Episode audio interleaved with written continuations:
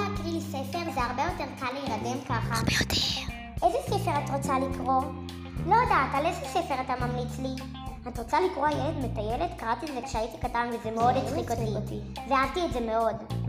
אבא, על מה הספר מספר? מה הספר מספר? את רוצה שאני אעשה לך ספוילר?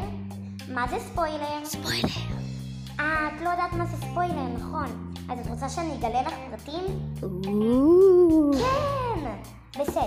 היו ילדה שכנראה את יודעת שקראו לה הילד. יצאה לטיול קצר ועל הדרך היא מצאה המון חיות כגון. מה זה כגון? אה, את לא יודעת מה זה כגון, נכון. אז זה למשל. למשל, חיפושית, ג'ירפה, כלבלב וכו'. ג'ירפה? כן, ג'ירפה. ואז אימא שלהם מכניסה את כל החיות הביתה ומביאה להם עוגיות ומיץ תפוחים.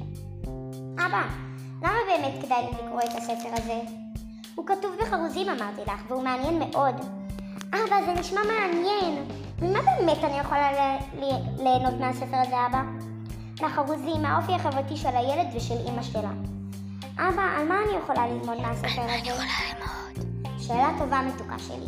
את יכולה ללמוד ממצוות הכנסת אורחים ועל שחיות לא פחות חשובות מבני אדם. לא, לא, לא. וגם להם יש רגשות. מה אתה יכול לומר לי כמשפט סיום אבא? שכדאי לך לקרוא את הספר הזה, את תאהבי את זה מאוד. וואו, טוב אבא, כבר מאוחר, תקריא לי את הספר הזה מחר, בסדר? בסדר, מתוקה שלי. לילה טוב. לילה טוב, מקווה שתהנו מהספר, תודה, קרן.